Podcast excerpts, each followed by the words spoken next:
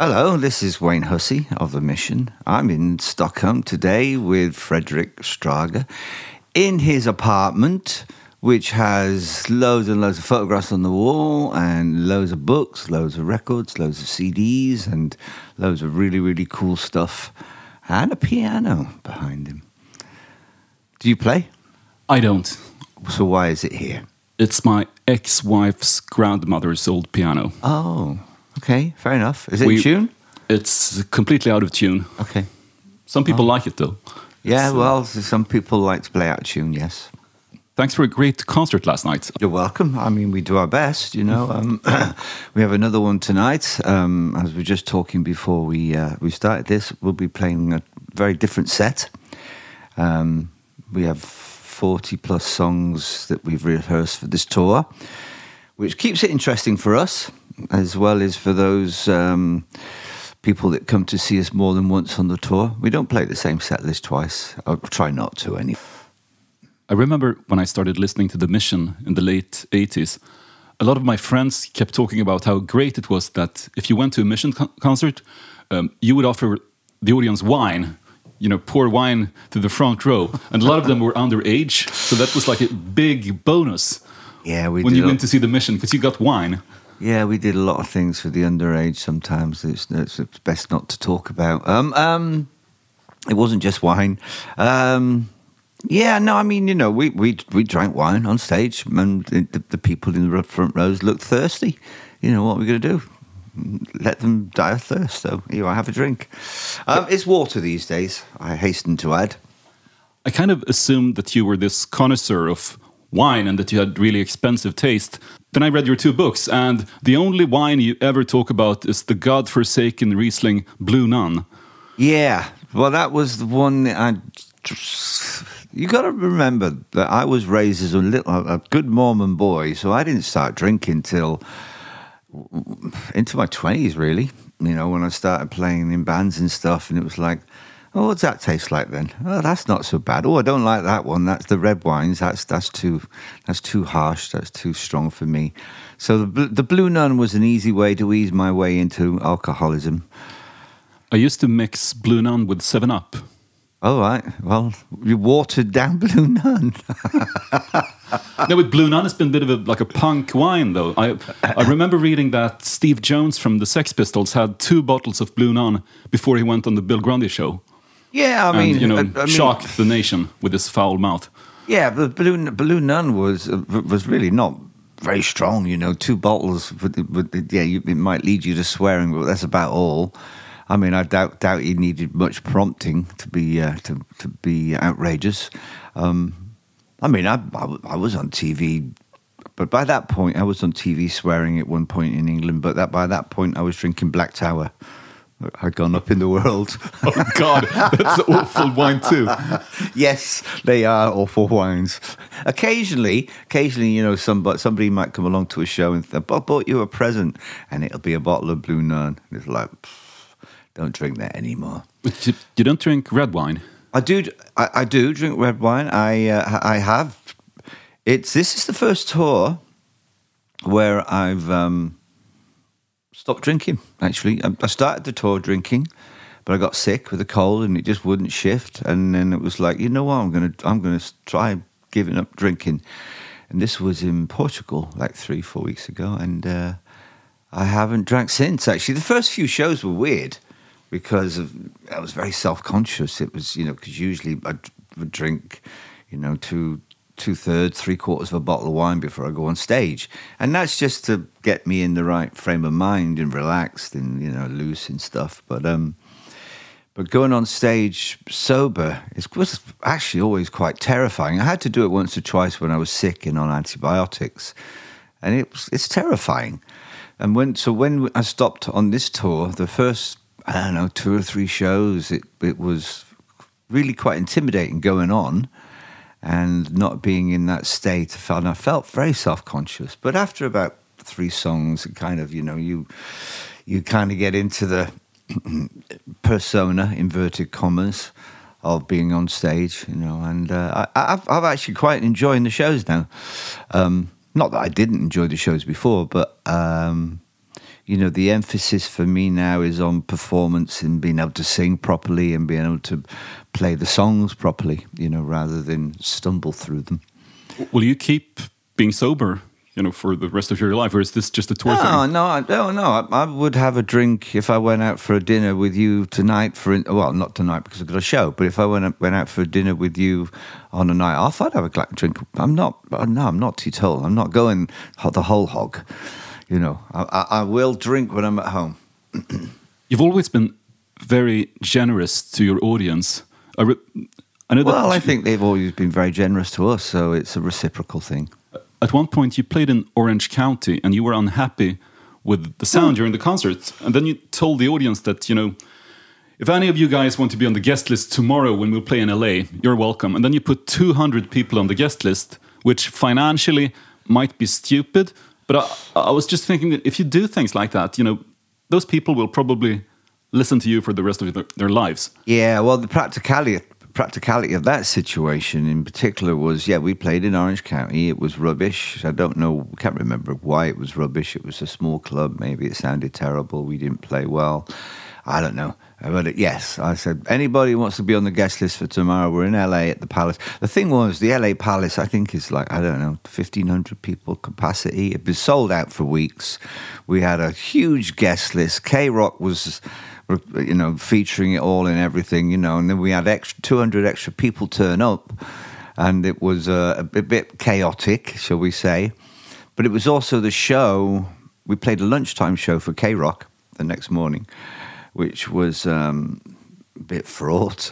and then uh, it- things escalated during the afternoon, and we ended up having to cancel that show at night because Craig um, decided he wanted to le- he was wanted to leave the band. He was you know, um, and he, he wanted to go home, so he flew home that night. So we had to cancel that show. So those 200 people might have travelled all the way from Orange County to LA for nothing. oh, sad. Well, no, you know, it's a nice, they would have been there witnessing the chaos at the LA uh, Palace. Didn't know what time it was, the lights were low. Oh, oh. I leaned back on my radio. Oh, oh. Some cat was laying down some rock and roll, not a soul said. This this is uh, Starman by David Bowie and uh, Spiders from Mars from the Ziggy Stardust album. Um, my first big love in music was the Beatles and, and Bolan, but then Bowie came along about six months after I got into Bolan and um, became the bigger bigger love, I suppose you would say. Yeah. Um, what can you say about him? Uh, influence on on so many levels to so many people, and this was his first hit.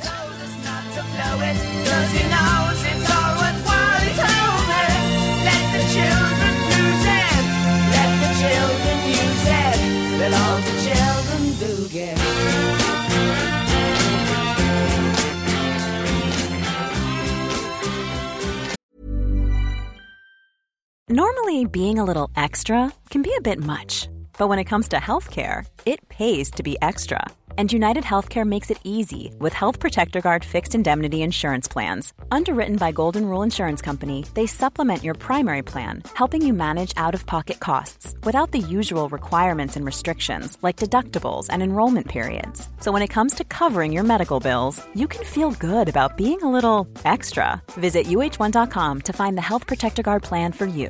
Hey, I'm Ryan Reynolds. At Mint Mobile, we like to do the opposite of what Big Wireless does. They charge you a lot, we charge you a little. So naturally, when they announced they'd be raising their prices due to inflation, we decided to deflate our prices due to not hating you.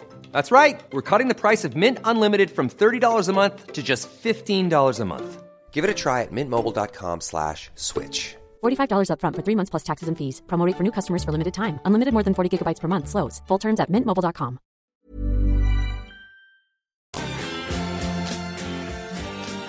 I read that J.K. Rowling went to the same school as you.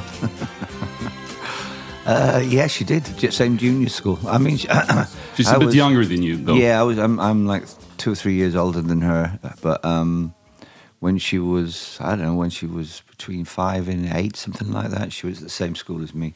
And um, back in those days, um, most kids that were short sighted didn't wear glasses. It wasn't diagnosed. But I, so I remember uh, not being able to see the blackboard very clearly, and the teacher said, mm, Wayne's adding up his sums wrong, so may- maybe he's got a problem with vision. So they told my parents, and my mum took me to the opticians.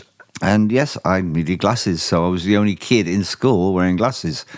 So I was like, you know, I looked like that geeky little kid. And if you see photographs of me when I was young, it's the spitting image of Harry Potter. Uh, so I'm not claiming that I was the inspiration, but um, maybe you know when when she writes these characters, that, that she pictures people from her past. Um, I may well have been one of the little nerdy kids that she uh, based Harry Potter, Potter on. In fact, the the character of uh, Dumbledore. Not that I know much about Harry Potter, but the character of Dumbledore was definitely based on our headmaster at that school, uh, Mr. Alfred Dunn. So who knows? Also, later in life, you were rumored to be involved in dark, secret, occult rituals. Was I? Magic, like Harry Potter. Yeah, no, was I? I don't know. Was I rumored? Um, maybe. Maybe I was rumored. I mean, my, my fascination with that was fleeting, and it was largely born out of being a huge Jimmy Page fan. But I did read, you know, I did read Aleister Crowley for a bit, and you know, and um, um, how can I say, um, enjoyed the company of people that were into it. You were raised a Mormon. Mm. How strict were your parents? Well, they weren't strict, strict, but you know, we as a family, I was the eldest of five, so I, I had to set the example. Um, um, but yeah, we were, we went to church regularly. You know, most of most evenings of the week were actually spent with one one one or more of us at the church. You know, with, with various activities and things. And um, um, I wouldn't say they were strict, but they they adhered to the, the, the precepts of the church and raised us in that way. Um, you know, and I've always contended that you know to find your own middle ground, you have to go from one extreme to the other. So you know, whilst I led that childhood where you know I was not deprived, but, repressed maybe.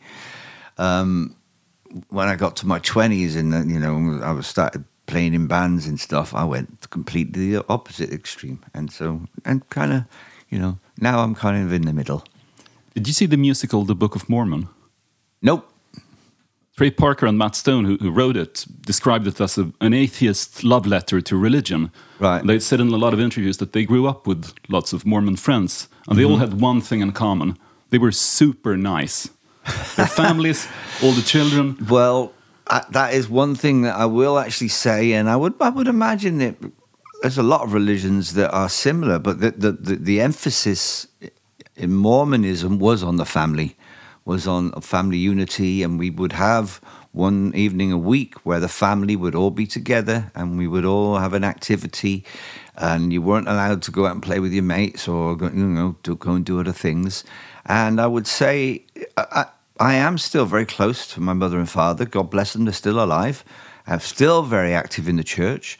They even went to serve a, a mission in their early 70s in uh, the philippines you know so they went away for 18 months at their own expense to do a mormon mission which is incredible you know, I mean, they have they have a lot of energy, my parents, and they do a lot of good work with the church uh, and through the church and within, the community. So I, yeah, and, and we're close. You know, I'm close with my brothers and sisters, and they're close with my mother and father. Yeah, it's great. I mean, on that side of things, that was a very, very, very good thing to grow up with. Did they expect you to go on a mission yourself? Well, I am. well, of course, you're in the mission. but I mean, did they Yes, want they to send did. you off to like um, Uganda, like they do in the Book of Mormon? Well, I don't know if I would have got sent to Uganda because you have to. Sp- and they tend to send you to a place where you know if you can speak a language, they tend to speak uh, t- send you there. So I probably would have got sent to Leeds or somewhere like that. Um, yeah, they did want me to go on a mission, and there was one time, you know, in my mid-teens when I re- seriously considered it. But then um, Marc Bolan came along and watched him on Top of the Pops, and I thought, you know what? That's what I want to do. That's the kind of mission I want in life, and that's a good cue for Get It On.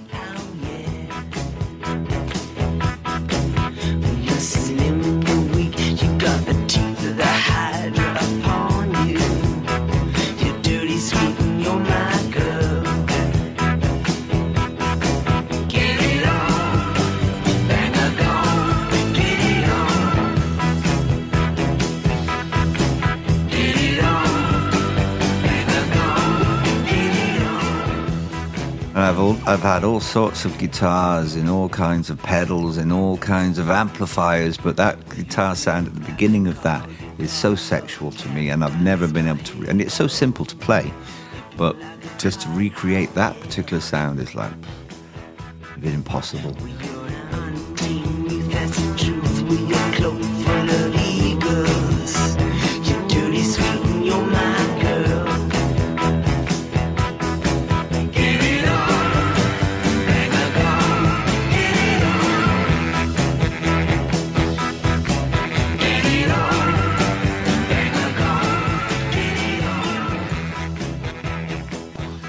In some of the reviews that have been published of your two books, uh, Salad Days and Heated Days, uh, uh, they mention that you write about guitars in a very sexual and sensual way, whereas sex is more, you know, funny anecdotes. Well, sex can be really funny. Um, yeah, but guitars, I think, uh, guitars are the. No disrespect to my wife. I love my wife dearly, and she is the love of my life. But guitars have been in my life a lot longer than she has. And they've been, ever, since I was a teenager, they've been ever present. And they have been the thing that have sustained me uh, creatively, spiritually. Times when I've been low, you know, you pick up a guitar and you play guitar, and that can, you know, shift your mood. It's the same with the piano. I love playing the piano too, and um, it's just just playing for playing's sake, not for any specific purpose. Not to write a song, not to make you know music for anybody else, just to play. And um, there's a, you know, I found a lot of solace in playing over the years at times that I've needed just to, you know, chill and be with myself. Yeah, I'm, I mean, guitars are sexual. You know, the guitars you hug them, you pull them into your body. You know, you you you know you move them around. It's they're they're rubbing up against your groin. You know, for one, and um, they're. That, that's a very cock rockish statement, isn't it? Well, it's it's. what are you calling me a cock? well, that's that's the first to be called the cock to my face. Um, yes, maybe it is, but it, it it's it is a physical thing. You know, it's a physical thing. But the piano has a slightly different f- feel because as you're playing it, in a way, you're actually pushing it away from you. You know, with the keys, you know, it's it's not something you embrace. The guitar you embrace. You know, you pull it into your body. The piano you push away. So I don't know. I mean, I love playing them both. So I guess I, you know, I like a bit of push and pull. One of the first groups that you played the guitar in was Dead or Alive. And their lead singer, Pete Burns, wrote in his autobiography, Freak Unique, that you were fabulously talented. Well, he's right. He also wrote, he was a Mormon then, adhering very strictly to the Mormon religion, but he was such a lovely person. I loved Wayne. What was it like to be a young, sexually repressed Mormon and play in a band with a super decadent diva like Pete Burns? Well, it was an education, you know. I mean, that, he, he was very different. It was definitely um, instrumental and part of the process of me go- of going from one extreme to the other. Uh, I love Pete. I mean, loved being in Dead or Alive. It was definitely a gang of pe- people that really cared about each other until he didn't care about you, and then he w- he could be right, bitch. Um, I don't. Ill, one must be ill of the dead.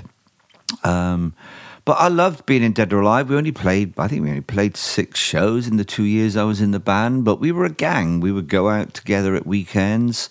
We, we, we started going to gay clubs because they were safer than normal rock clubs for, for the way that we looked. And I mean, Pete was gay. even though he's married, he was gay. So we, we, we also started listening to a lot of gay, what you would call gay music, disco music, dance music, at, a time when we were still a guitar based band. And so that ultimately started to have an influence on the music we make, uh, made together. Um, but Pete, he was lovely. I mean, he was generous. He, he was funny. He was a bitch. He could be a nasty bugger.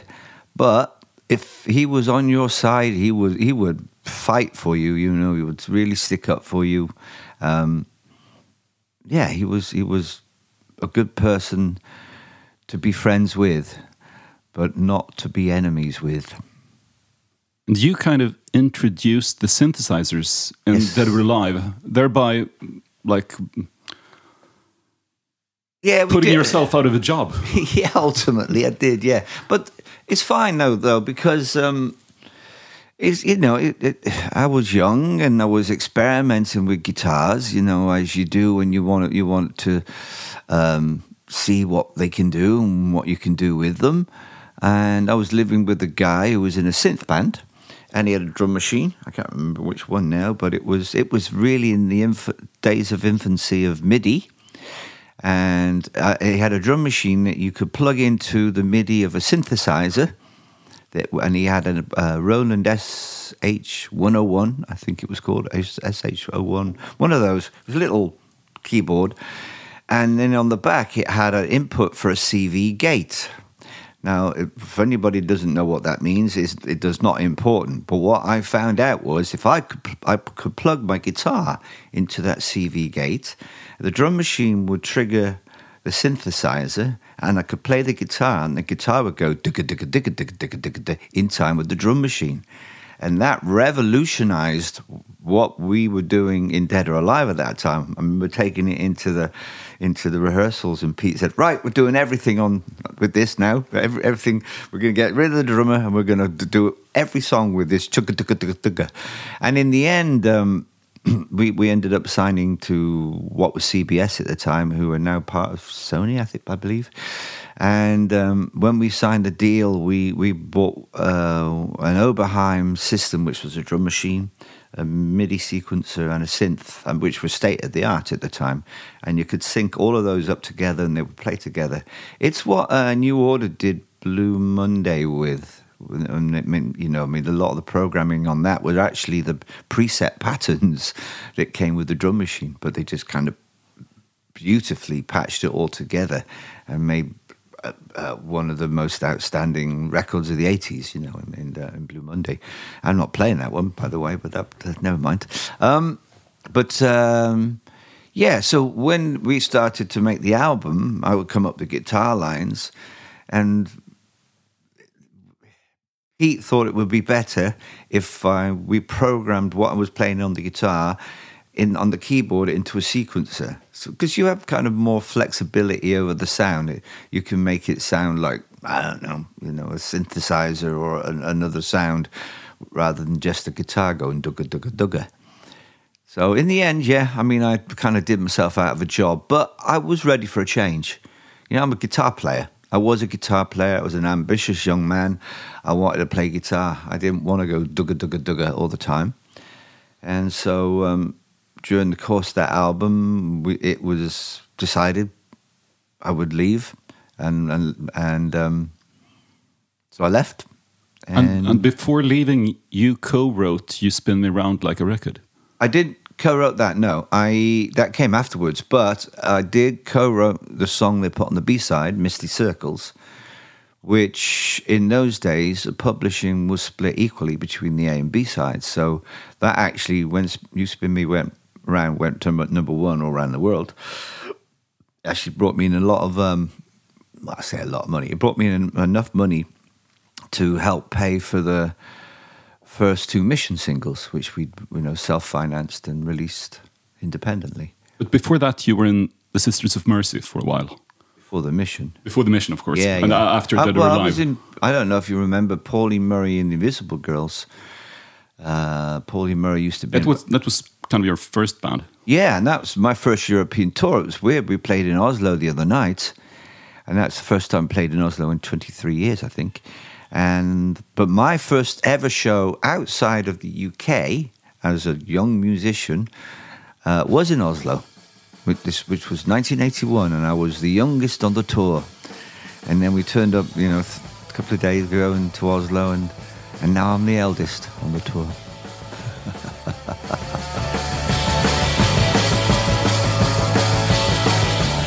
And then, yeah, yeah, of course, then from, from 1981 on tour with Pauline Murray, you know, it's led to a, a life of excess and, and uh, rock and roll.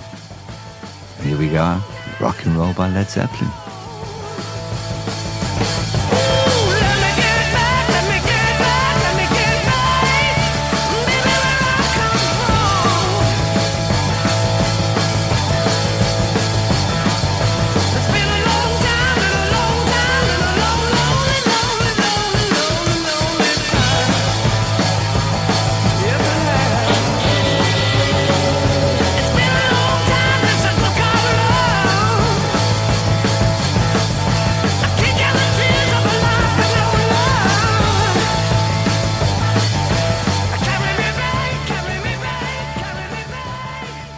When you joined the Sisters of Mercy, what was your first impression of Andrew Eldritch? I know you mentioned somewhere that he felt kind of intellectually superior, that he was very well read.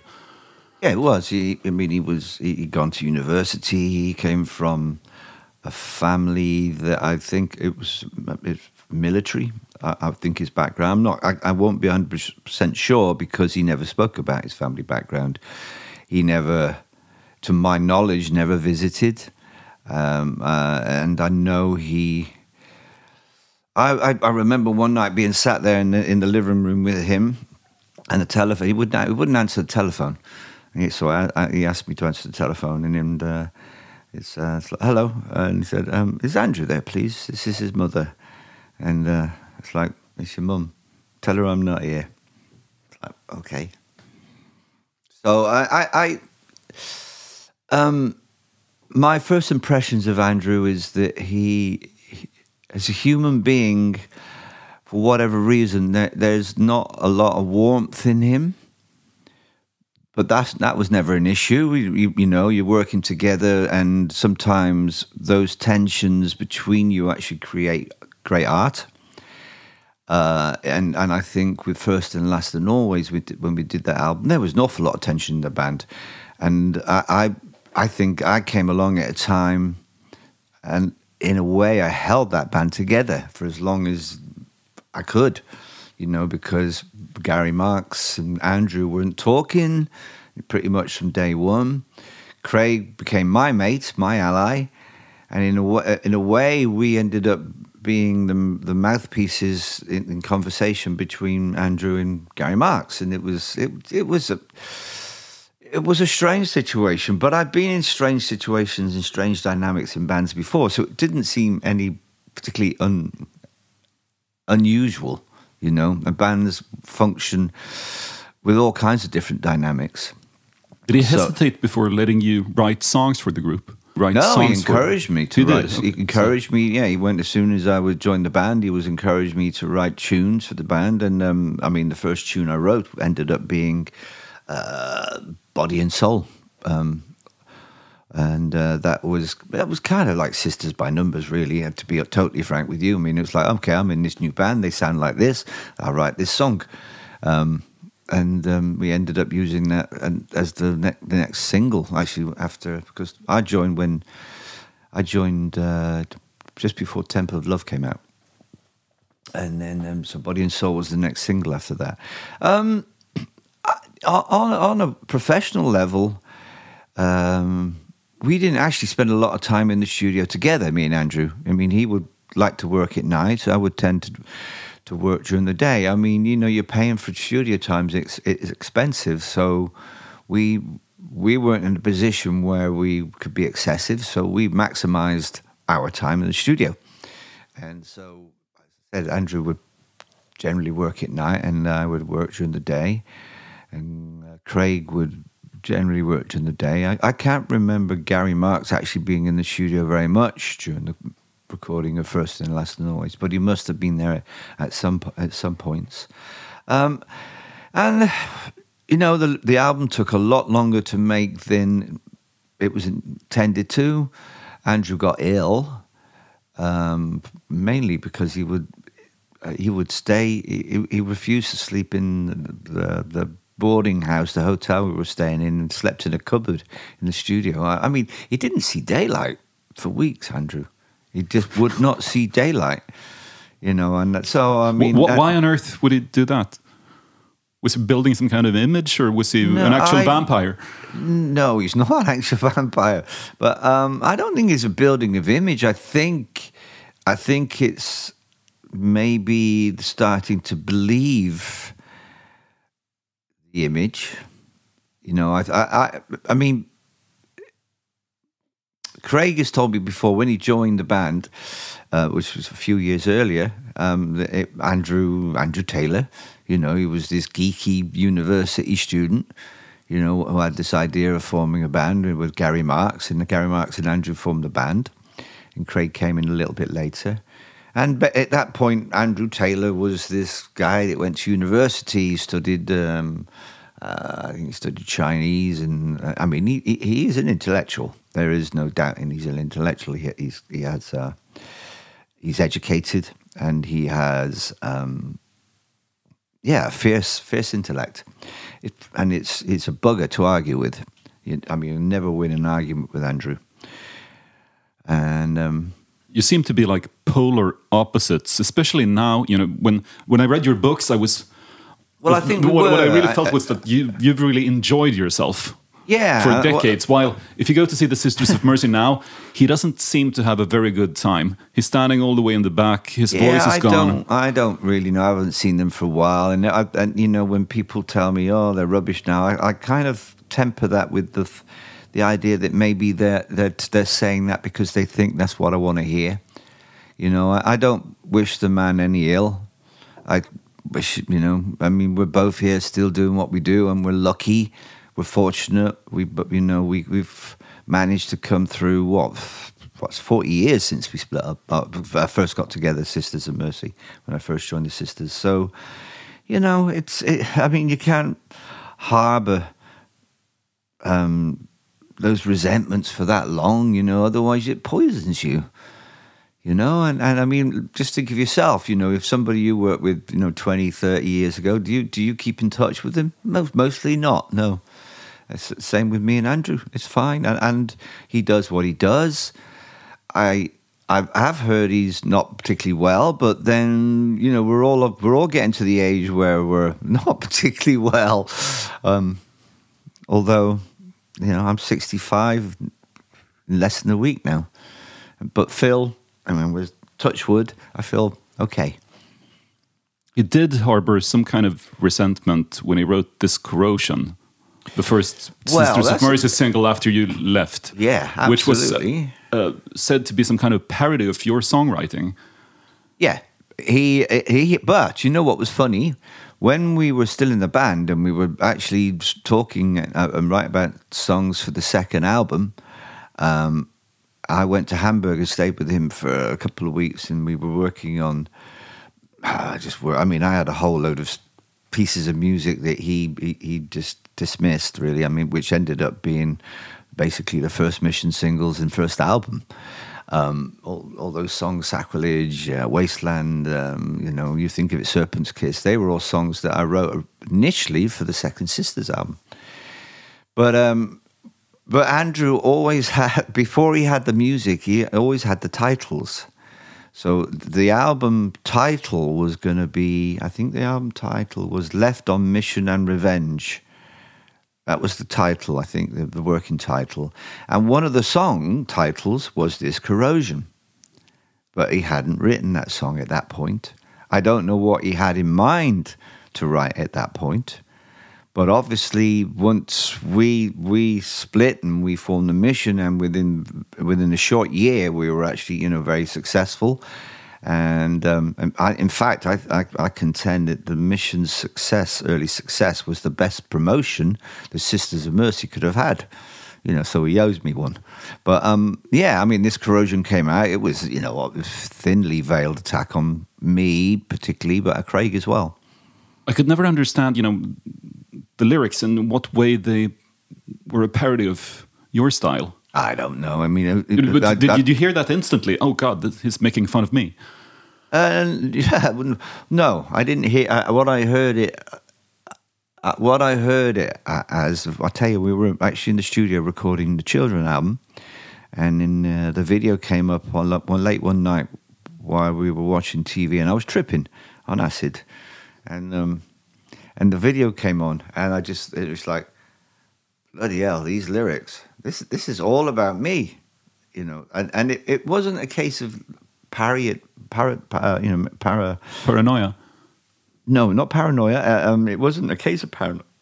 It was a case of, um, well, if that's how you feel, fine. I'll just get on with what we're doing. You know, we'll do the best we can. Because by that point, really, we we had diverged. You know, I think I think you could argue that you know the first Mission album was um, an extension of First and Last and Always. You could see the link between that. But by the time we came to make Children, we we'd evolved into something else. We'd evolved into, you know, the, the uh, a rock band, a classic rock band, if you want, rather than uh, a, a, I hate to say a goth band from you know from whence we came. Someone once told you that only music journalists and other singers care about the lyrics. And you- you've said on multiple occasions that you don't spend that much time on lyrics. I used to have friends in high school who would spend hours analyzing your songs, you know, finding the hidden meaning. Well, it's a funny thing. I mean, that yeah, that's a certain bass player that said that to me once, and uh, um, I'm still working with him. He said, "Ah, don't bother about lyrics. You just write any old bollocks, you know. There's only there's only other singers and journalists that take any notice of them."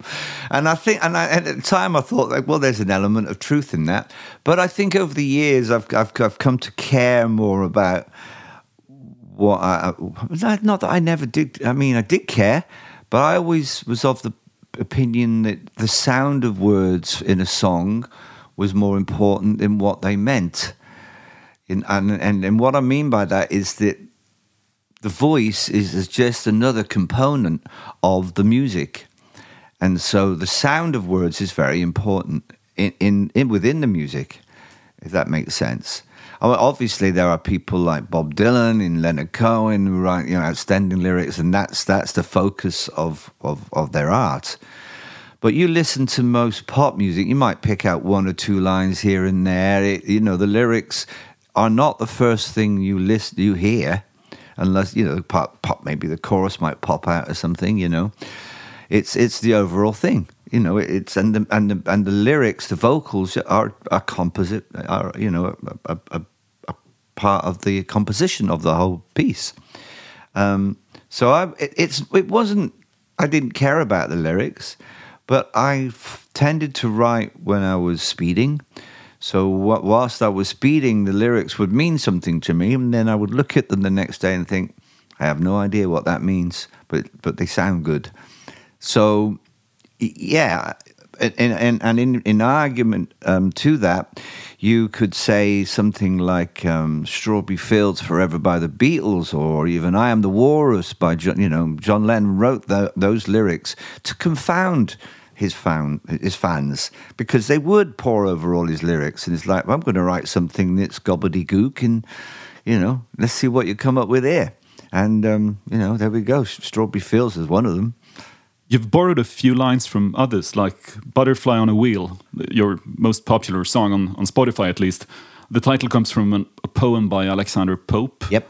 And you also quote Johnny Thunders. Yep. You can't put your arms around a memory in that Yep. song. I remember the first time I heard It's such a lovely phrase. You can't put, you can't wrap your arms around a memory. It's such a I heard your uh, song first. So when I heard the Johnny Thunder song the first time, I just assumed that he had stolen that line from The Mission. no.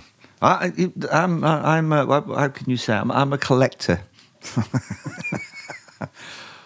I have no I have no uh, I have no um, you know I don't um, worry about recycling whether it's my own stuff or somebody else's as long as you end up as long as it end up you end up putting your own character into what you do then you know. I mean, what's that? What's that old um, saying? I can't. I don't know who said it originally. Picasso or something. It's like uh, um, great artists borrow. Genius is steal. Genius, uh, yeah, the, that, that's it. Genius is still not that I'm saying I'm a genius like uh, previous guests of yours, but but as you know, that's um, I think Bowie was very very like that too, as well. I mean, I think if really if you look at most lyricists, they they borrow and they they, they it's not that they they take stuff from all sources. And that's, I mean, that's what I do. I hear, you know, lines in songs, and it might trigger another, you know, something else for me, or a line in a book, or a line in a film, or something somebody says in conversation.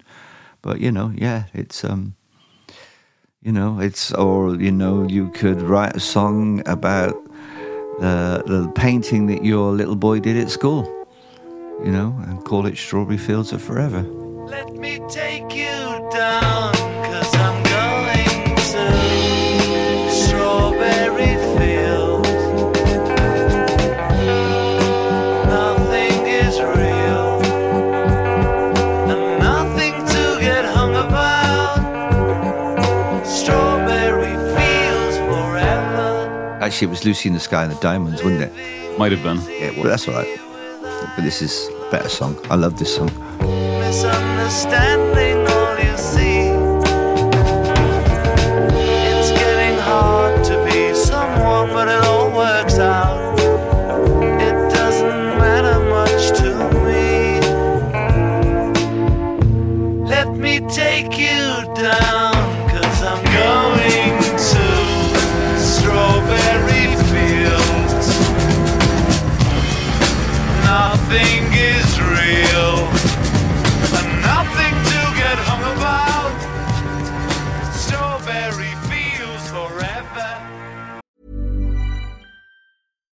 Spin your passion into a business with Shopify and break sales records with the world's best converting checkout. Let's hear that one more time.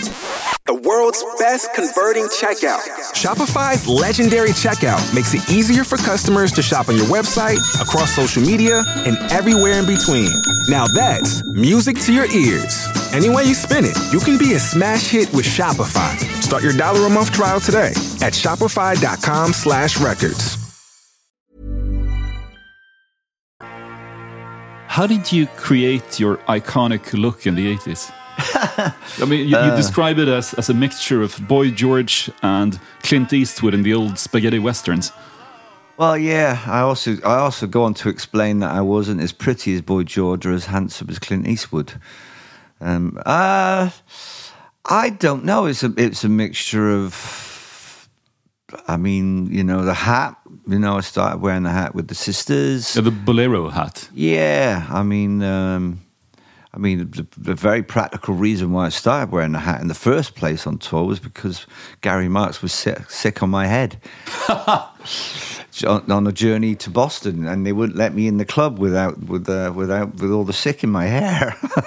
and in those days, it was all backcombed, you know, it was all up in backcombed, so it was like, you know, you're not coming in, not coming in here, buddy, with your head like that. You know, it's like, oh, okay. So I had to go and buy a hat. So there was a shop across the road. You could have just washed your hair at the hotel, where? perhaps. I, but he's, asked for he to Go and wash your hair. And I said, well, our hotel's in New York. Oh. Uh, You know, you know, we were going back to New York after the show, so it was that wasn't practical. He wouldn't let me in to wash my hair in the venue. Anyway, so that's why I got the hat. Um, I don't know. It was just something that developed over time. You know, it's it was a strange thing once the mission started having chart hits and things, and a very young audience started coming to see us. I would look out, and there'd be a lot of Wayne Hussey lookalikes in the audience. That was, ooh, you know, with the dark glasses and the hats and the long hair and the, you know, the, the crushed velvet and stuff and the. And um, I always felt like I suppose I had to be one step ahead of them. That's a fashion fashion thing, you know. I mean, um, I don't know. It's it was just a time. I mean, I look back at it now and I think, what the hell was I wearing? But then I'm, you know, you look back at most people in the '80s and think, what the hell were you wearing? You had lipstick on as well. Yeah, And have- also I- like a beauty spot like Madonna used to have. Yeah, that, yeah. That well, that started off as a beauty spot, and then it ended up turning into a love heart.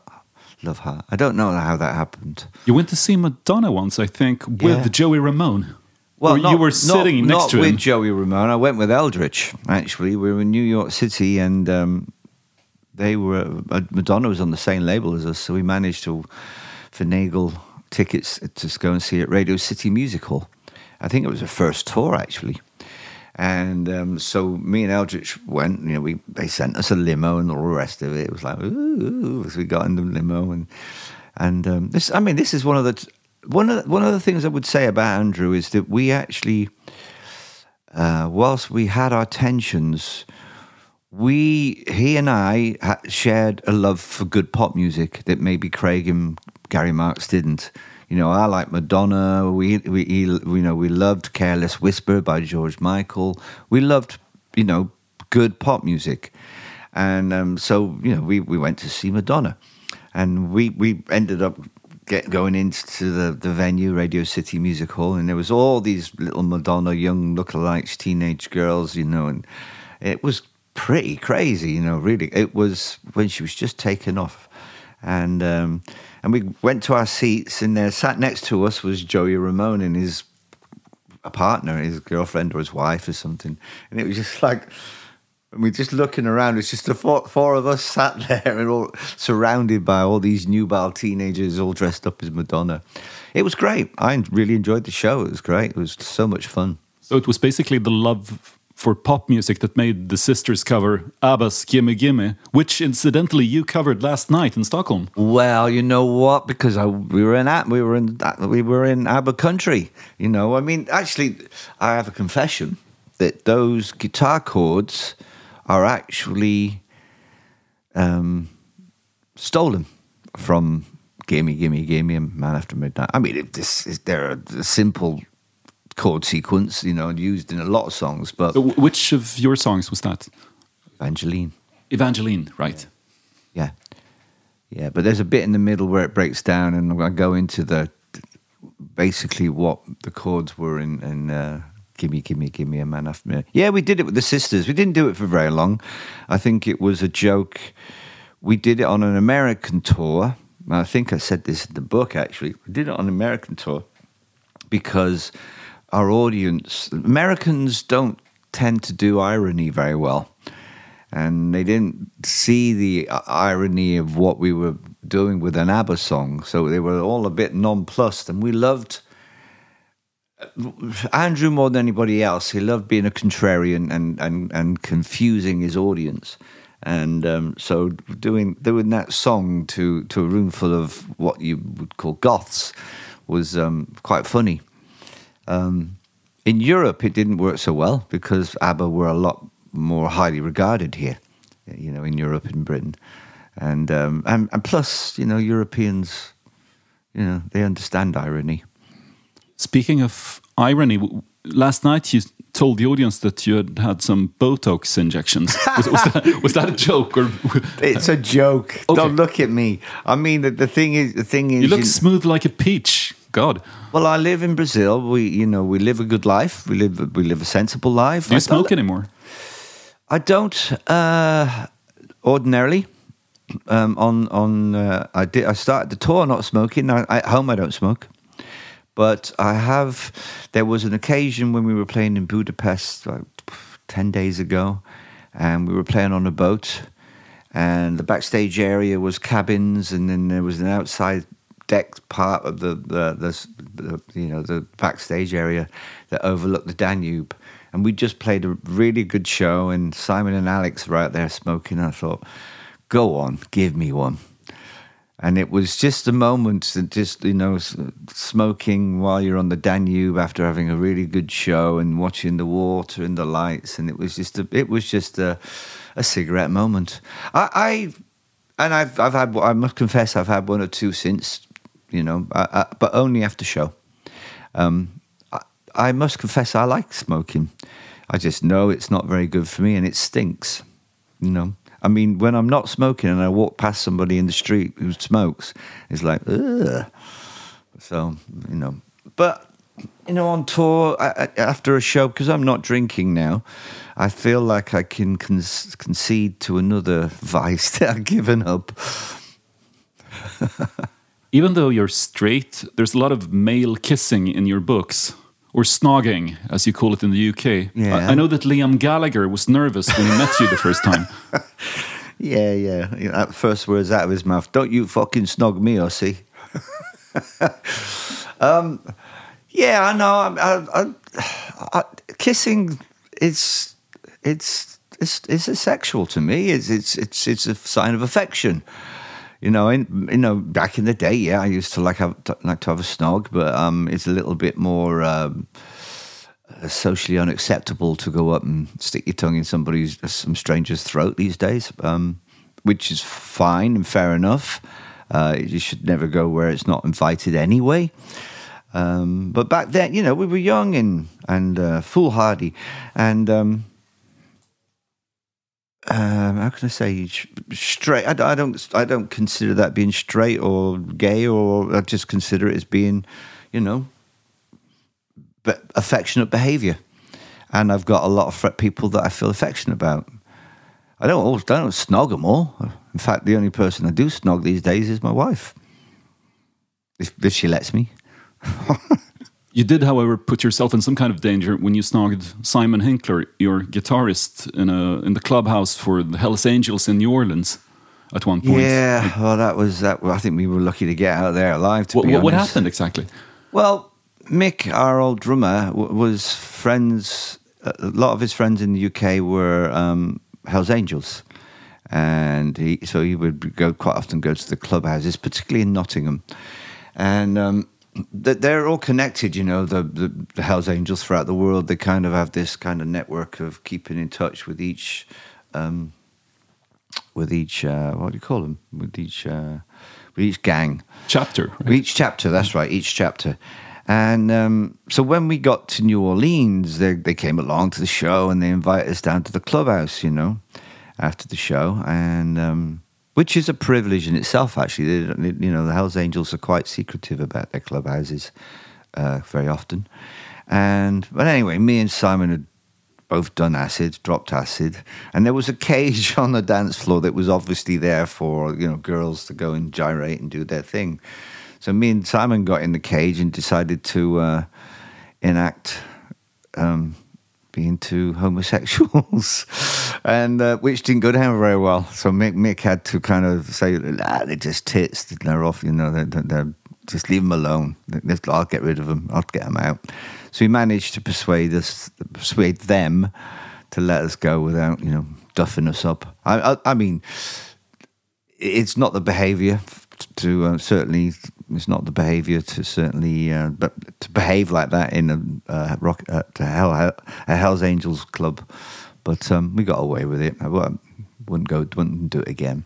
Maybe it was even more dangerous when you went on a car ride in New York, Ugh. tripping on acid with your friend Brian Brain Damage. That even having a friend called Brian Brain Damage No, sounds a- a bit dangerous. Well, that's that's, that's it There's wasn't some, something with a name. he wasn't christened that, you know. It wasn't christened Brian Brain Damage. I mean, he became he, he was Brian, he, and he was a he was a boyfriend of a friend of ours, and um, he used to come to the gigs and he used to get us our drugs in America, in New York, in the New York area, because speed was our drug, drug of choice, but uh, it was very difficult to get over there, the kind of speed that we like. Um, but he he could. Anyway, he was called Brian Brain Damage. He became Brian Brain Damage after this car ride. And um, yeah, we were we were we were I think we were having a party. We had a night off. We were having a party in one of the hotel rooms, and we ran out of drugs. And um, so we wanted some more. So Brian said, "Oh, I've, I've got a car, and uh, should we go and get some?" And um, and I said, "I'll come with you." So know, we strapped ourselves in the front seat, and um, and got in the car. I mean, really, it uh, it. I think about it now. We could have caused such horrific damage, not just to ourselves, but to other people. And it's one of those occasions. I think, hell? How the hell did we get away with that? But basically, I, I, I dared him to, to just put his foot down and drive straight down one of those long avenues that you have in New York, not stopping at any red lights or anything. And we, we did it, and there were cars going, ee, beep, beep. That's and insane. It, it was insane. It was absolutely insane. And we really, I, I, I can't say I regret it because in the end, ultimately, we no damage was done to, either to ourselves or to anyone else. But it could have been catastrophic. And the, the worst thing about it is not that we could have hurt ourselves or killed ourselves. Is what would be that we would have hurt someone else, or you know, or worse. That that was thinking about it now. It's like, my God, you know, how how do we not even get stopped? Driving while on acid is not to be encouraged. No, never. I mean, drug, driving while you're on any drug really is not to be encouraged. Um, it's not necessarily for your own um, safety; it's for the safety of others. I was also surprised by the amount of sex you seem to have had while on acid. Because, you know, acid makes you more interested in carpet patterns or neon lights than female flesh. Yeah, there there is that. I mean, there is, you, you you do get involved with carpet patterns, and um, but also sex can be something that lasts for hours and and be really slow and really you know you're really f- fascinated fa- find fascinating the whole process. I don't know. It's it's yeah. I've, I've had a lot of sex on acid, and it's it's it's largely been beautiful, beautiful. I mean, you know, I know some people take acid for the the quest, the the the, enlightenment, and like it's like ayahuasca and stuff like that. But I've always taken drugs to really just have a nice time, to get off and have a nice time. You know, and I mean, I do equate drug taking really with with sex. Uh, shouldn't maybe say this, but perhaps the best sex I've ever had in my life has always been on drugs. Another sexually interesting episode in your latest book is when you go home with a girl that you've met in a club. And on the, way back to her apartment, you stop the taxi at a newsagent. And she runs Oh out to buy God. cigarettes and she comes back with a couple of soft porn magazines that feature her. Yeah, yeah, that was that was a, a, a that was a unique experience. I mean, at the time, you've got to remember this is all before social media, and you know, social media now I find a complete minefield. I mean, I, I you know, I have some um, obviously some younger younger nephews, and I and um, and the youngest being twelve and fourteen, and I think what they're capably being exposed to now is something that we would just fry our brains when we were teenagers, you know, and um, you know, soft porn magazines. They they basically were just you know pictures of naked women, and not particularly graphic. You know, certainly the high street stuff in, in Britain. Um, but yeah, she, I mean, she stopped stopped the car. We you know, got some cigarettes. She came back with a couple of magazines, and then she was saying, "Yeah, I'm in this one this month, and then and then I'm in this one as well." And it was like, wow, okay. And then um, it seems quite tame, I think, compared to a lot of what goes on these days. You know, people sending pictures of their anatomy to uh, strangers. I don't know. I mean, that I find that bizarre. Um, but yeah, I mean, she basically made me look at the pictures, look at the photographs of while we were doing the deed. It was like, don't look at me, look at the photographs. It's like, Yeah, she, she said, according to your book, I want you to shag me while looking at these photos of me. Capiche? yeah. It all feels kind of modern. Does it? Yes, you know, because these days people are so connected to their phones. It's almost as if the, the image Well- that they project of, of themselves online Well, I guess- I is more important than the way they look in real life. So her doing that, you know, I- asking you to look at the pictures of her in the magazine, not on her, is Well, I you just, know, I- reminiscent of what happens now. Maybe, maybe, maybe you're right. Maybe I mean, maybe I, I put it down to just be, her being a bit pervy and just being proud of being in the magazines. You know, uh, I mean, today's social media with all the filters and all the th- the, the enhancements that you can make on photographs, nothing's real. You look at photographs, very few of them are real. You know, I mean, when I post up photographs, I don't do any of that bollocks. You know, it's just this is how I look. You know, and um, Yeah, but you look really good.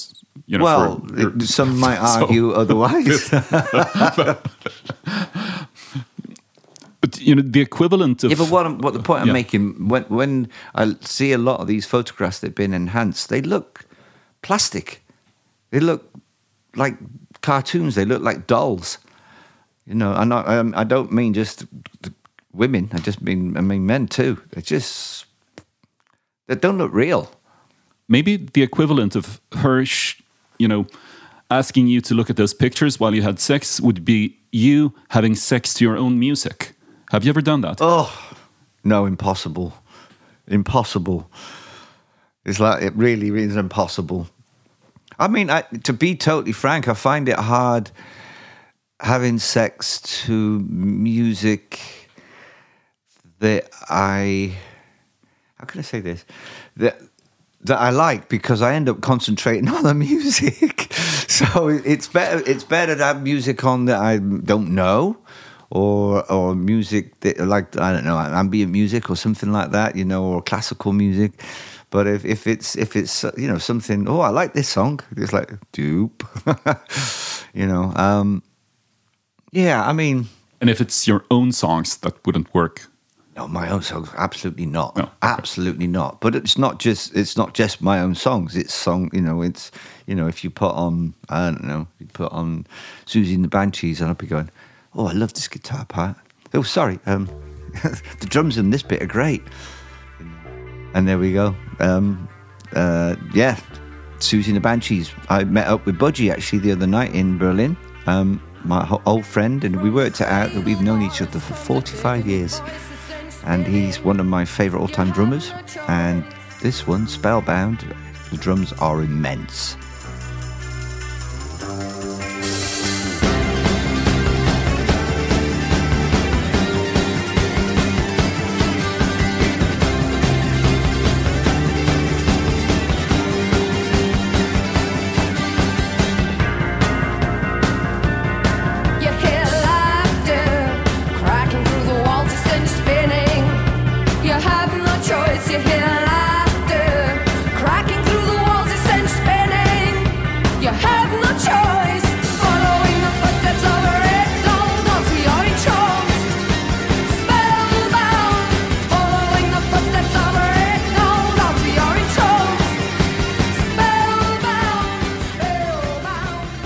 Born in 1958.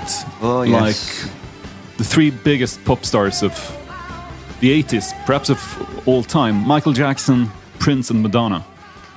And Wayne Hussey. And Wayne Hussey. yes. So you, you turn 65 next week, Yeah, next next Friday. which yeah, is uh, kind of the retirement age in a lot of countries. Yeah, no, um, well, yeah, it well in UK it's sixty six actually now. I mean, I, I got to wait another year before I start getting my pension. Um, I don't intend to retire. I love making music. What I what I find difficult is I love playing the shows, but what I find difficult is all the stuff that comes with the touring, the travel, the lack of eating properly, the lack of sleeping properly. I mean, you know, I mentioned before that I suffer a little bit from insom- insomnia on tour. And so I usually take a little cocktail of um, medicines before I go to bed, prescribed, not illegal. And uh, I think I actually think I overdid it a little bit last night because um, I usually take half, and then there was half left on my uh, bedside table. And when I woke up, this morning, it was gone. So it was like maybe I did that in the middle of the night without thinking about it because I woke up very dopey this morning. And I'm usually not that dopey. Do you worry about growing old? I used to. When I when I hit 50, 50 was a tough age actually to to, to to come to terms with. I think when I was younger, it was always it was always you know when I hit thirty, not thirty, but when I hit thirty six, and then you get rounded up to forty, and then when I hit 46 you get rounded up to 50 but 50 when i hit 50 was a tough tough one to deal with and uh, I actually uh, spiraled a little bit and um, was put on um, antidepressants for a little while. Um, not for long, but just just kind of get me out the funk. But when I hit sixty, it was like, yes, I've made it. And since six, since being sixty, it's been really great. You know, it's it's it feels great to be alive. I mean, touch wood, I've still got you know health.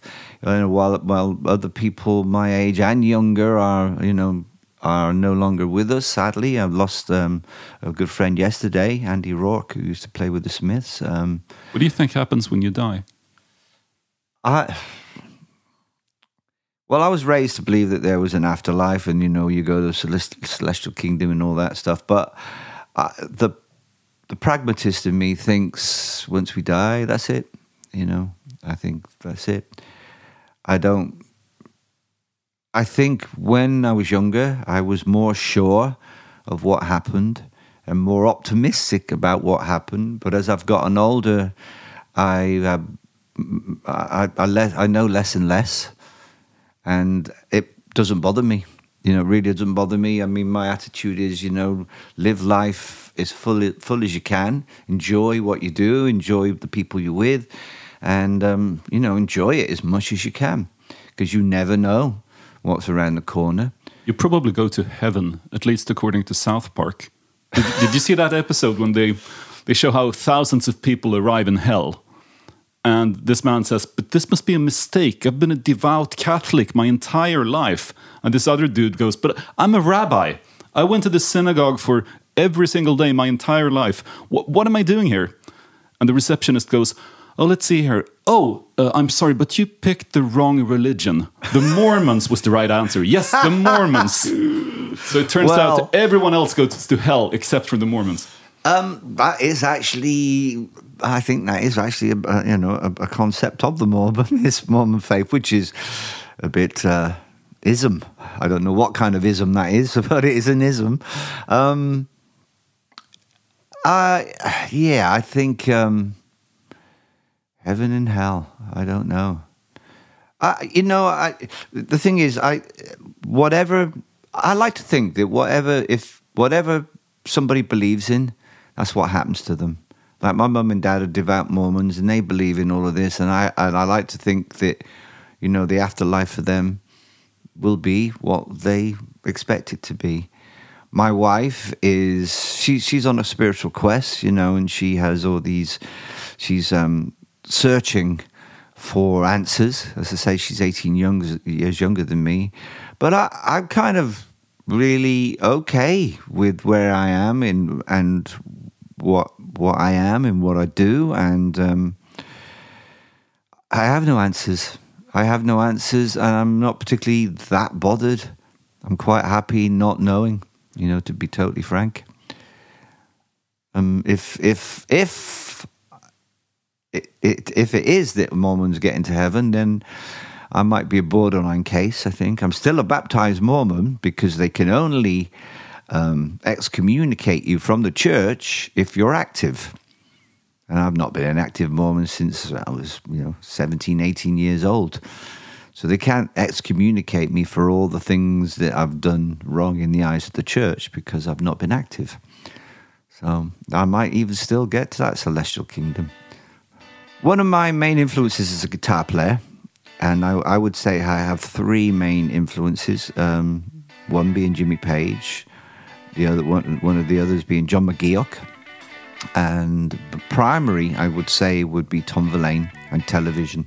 The first two television albums I absolutely adore. I had the privilege of meeting Tom briefly when he was in uh, Brazil about 10 years ago. He came down for a, an acoustic show, which was marvelous. I mean, even uh, playing on acoustic guitar, he could get that special tone vibrato that he gets when he plays guitar. I loved, absolutely loved television and Frictions off of uh, Marquee Moon, which is one of the all-time greats.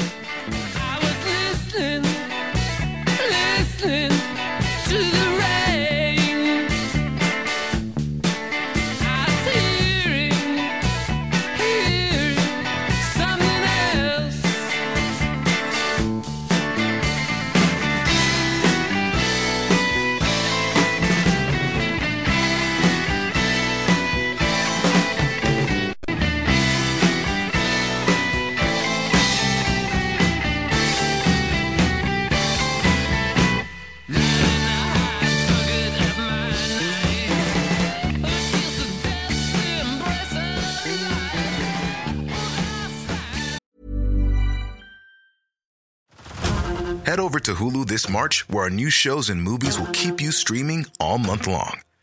Catch the award winning movie Poor Things, starring Emma Stone, Mark Ruffalo, and Willem Dafoe. Check out the new documentary, Freaknik The Wildest Party Never Told, about the iconic Atlanta Street Party. And don't miss FX's Shogun, a reimagining of the epic tale, starring Anna Sawai. So, what are you waiting for? Go stream something new on Hulu.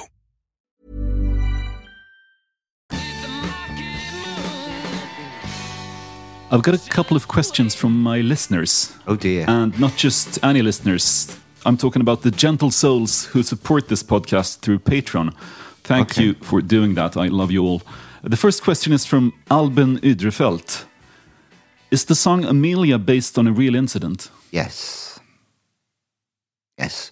Um, I've told this story many times before. When ooh, '89, I guess, when I wrote the song, um, I, I rec- we used to receive fan mail. I, we used to have an office with, it was uh, like a fan club, and I received a letter that was anonymous, sent anonymously, and it was a young girl um, and she was writing that she was being sexually abused by her father, and um, and she didn't know what to do, or she didn't know who to turn to, or anything like that. And and there was no name, and there was no return address, and I just felt compelled to try and do something for her. I, even so, I wrote. I mean, I basically wrote the song, and I know there's a lot of people. It makes people feel uncomfortable, but that's the idea, you know. And, that, and that's also the uh, the reason I put it f- first track on the album. You can't hide something like that away. It's fourth track on side two, And it's a song about incest and rape, basically. It is. It's, it's, it's about the father, yeah, raping his, his, his daughter.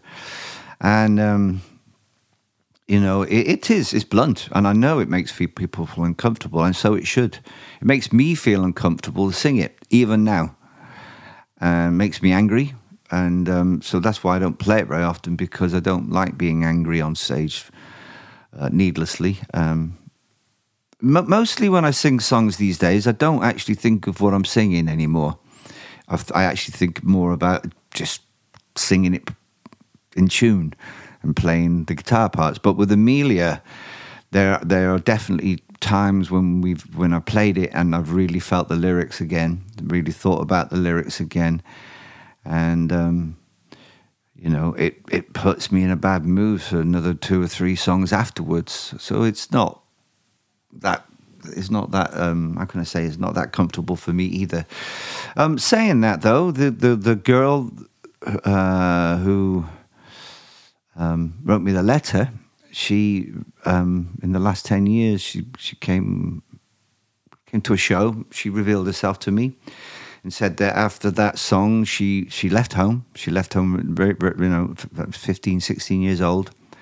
Got away from her father uh, and she obviously had emotional problems during her life, but you know she's a mother of two children. Uh, she she then, but then she had went into uh, a, a marriage that was abusive. I guess that's just the the the, the trend that happens once you've been in that situation. But that she ended that marriage, and now she's you know she's got the two children, and she's it's she's as happy, I guess, as she could be. So I think in that respect, the song did what I wanted it to do, which was to give her specifically some kind of recognition that somebody's listening. The second question is from Matthias Forslund, who writes I had a backstage pass and met the mission after the show in Solnahallen in Stockholm in 1988. They were super nice, but Wayne was passed out in the shower. It's a miracle that he could perform. Did drugs make him more creative, or was it just something that he fooled around with on tour? I wasn't fooling around with on tour. I mean, I mean, back in the day, I mean, drugs were a part of our everyday life, and it, it was it was uh, it was painful when we went to places where we couldn't get drugs, like Japan, as a total no drug tolerance there. So we was never we went to Japan. It was like we can't get anything. It's like well, just give me some aspirin then, please. So just give me something, you know. So it wasn't a case of being creative. I, I mean, I used to write most of the lyrics while I was speeding in the first two or three albums. that helped me in a creative way. But as I said earlier, I mean, I would write stuff and think, oh, yeah, that, that makes a lot of sense to me. And then the next day it would be gibberish. But it, it, it's okay. Um, you know, something like Naked and Savage, for instance, I still, to this day, haven't worked out what that song's about. You know, that's what, 40 years or whatever, 35, I know, I don't know, long time ago. Um, in the studio, in the studio, uh, when we were younger, using speed was conducive to being creative because you would be in a fury of getting things done. You know, you would want to get things done. There wouldn't be any messing about. It would be, you know, let's let's work, let's work, work eighteen hour days, and so you know we would get a lot done. I think um, acid is a pretty pretty pretty impossible to do anything on in, in, creatively. I mean, you could try, but I'm sure it's you're not in control at all. Um, smoking spliff for that some people that works. For me, it never did in the studio. It, made me lethargic and you know just want to sit back and listen rather than play. Uh, I don't know. I mean, it's um, it's everybody's different. You know, they react differently to different drugs, and, and some people can create brilliant music while they're stoned. And I'm sure some people have written brilliant songs while they're tripping. You know, I mean, Syd Barrett is a perfect example of somebody that wrote fantastic lyrics, and he was, you know, supposedly, you know, an acid freak. So, um, who knows? Each to their own, I guess. I'm seeing Depeche Mode here in Stockholm live in a few days. Lucky you. My Uh, friend works for them, actually. Really? Uh, well, Martin Gore is a friend of mine Yeah. as well, but uh, yeah. He he lent uh, Martin Gore lent backing vocals to your latest Mission album.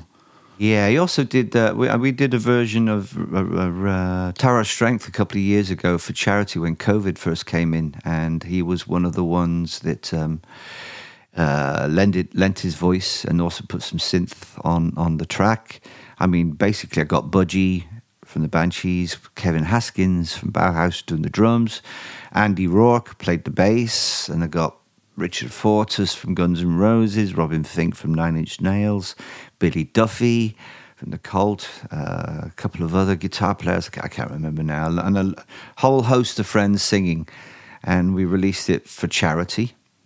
And Martin was one of the voices, yeah, that, that, that helped on that. And but he also he's been again he's been a long time friend. So I saw this amazing picture of you two from 1991, where you had this glam rock cover band supergroup called the Sexist Boys. yeah, Um, how did that thing come about?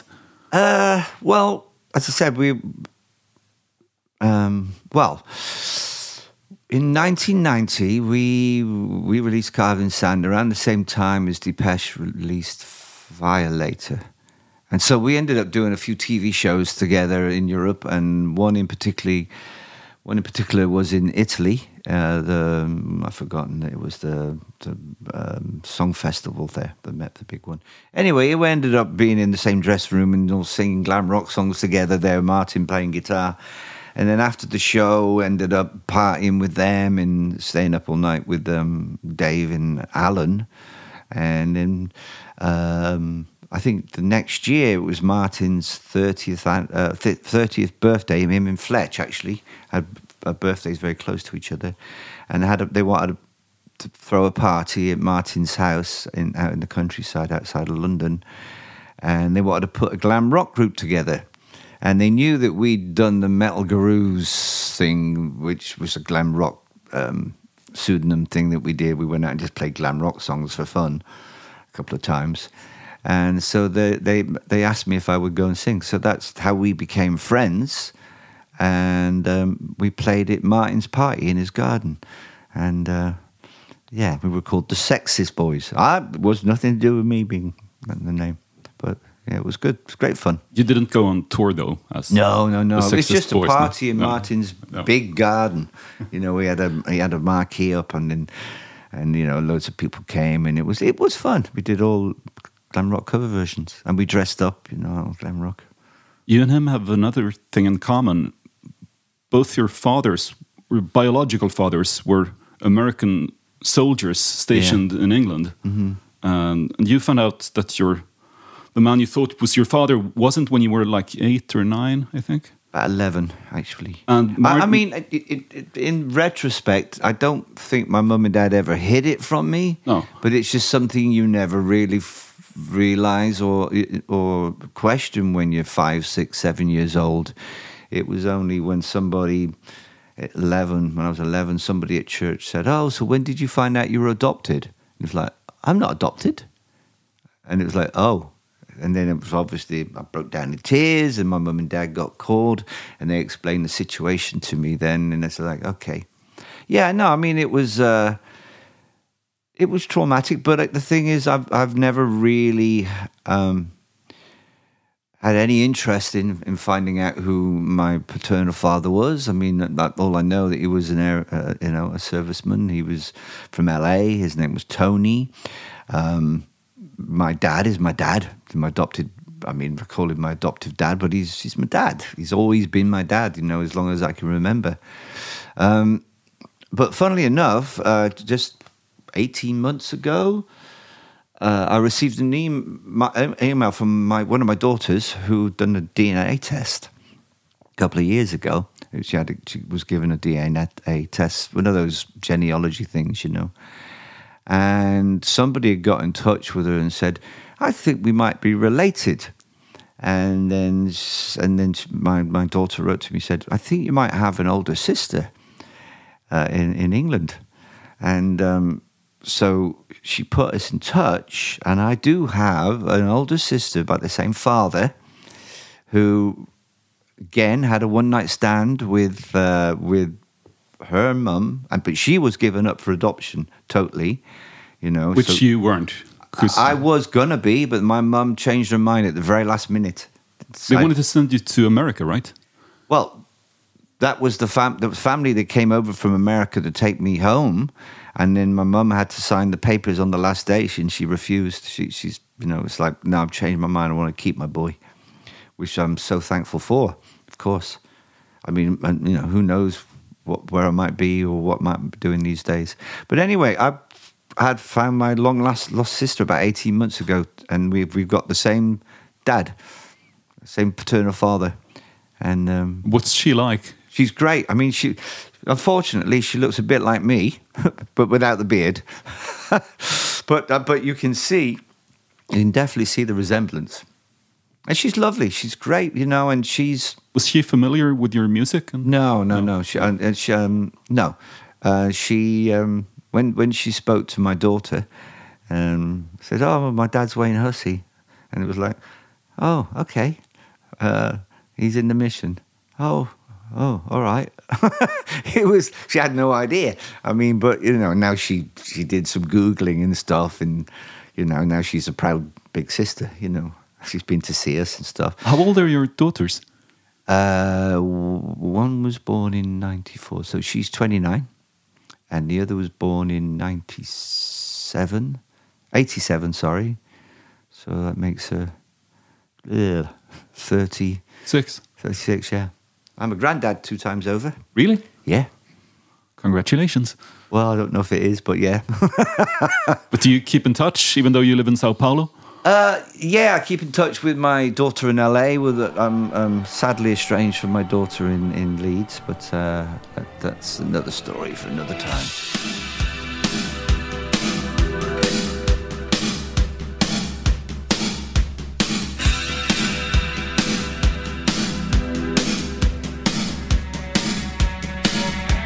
Um, yeah, um, I'm, I'm going to have to get going actually because we have another show tonight, and I need to. I need to rest the voice. I've been talking too much today, and um, I've yeah, I've got to get my my uh, put my wig on for tonight. no, I've got to wash my hair and do things like that, you know, to look the rock star bit. Inject some Botox. Uh, no, no, no, no, no. Thank you ever so much for coming here, Wayne. It was a true honor. Thank you for having me. It's been an honor for me. you are a legend in um, certain quarters, I believe. Wow. Okay, You're I'm- speechless right now, aren't you? I'm, I'm completely speechless. I, I don't know what to say. Let's just, just stop this. Thank you. Thank you.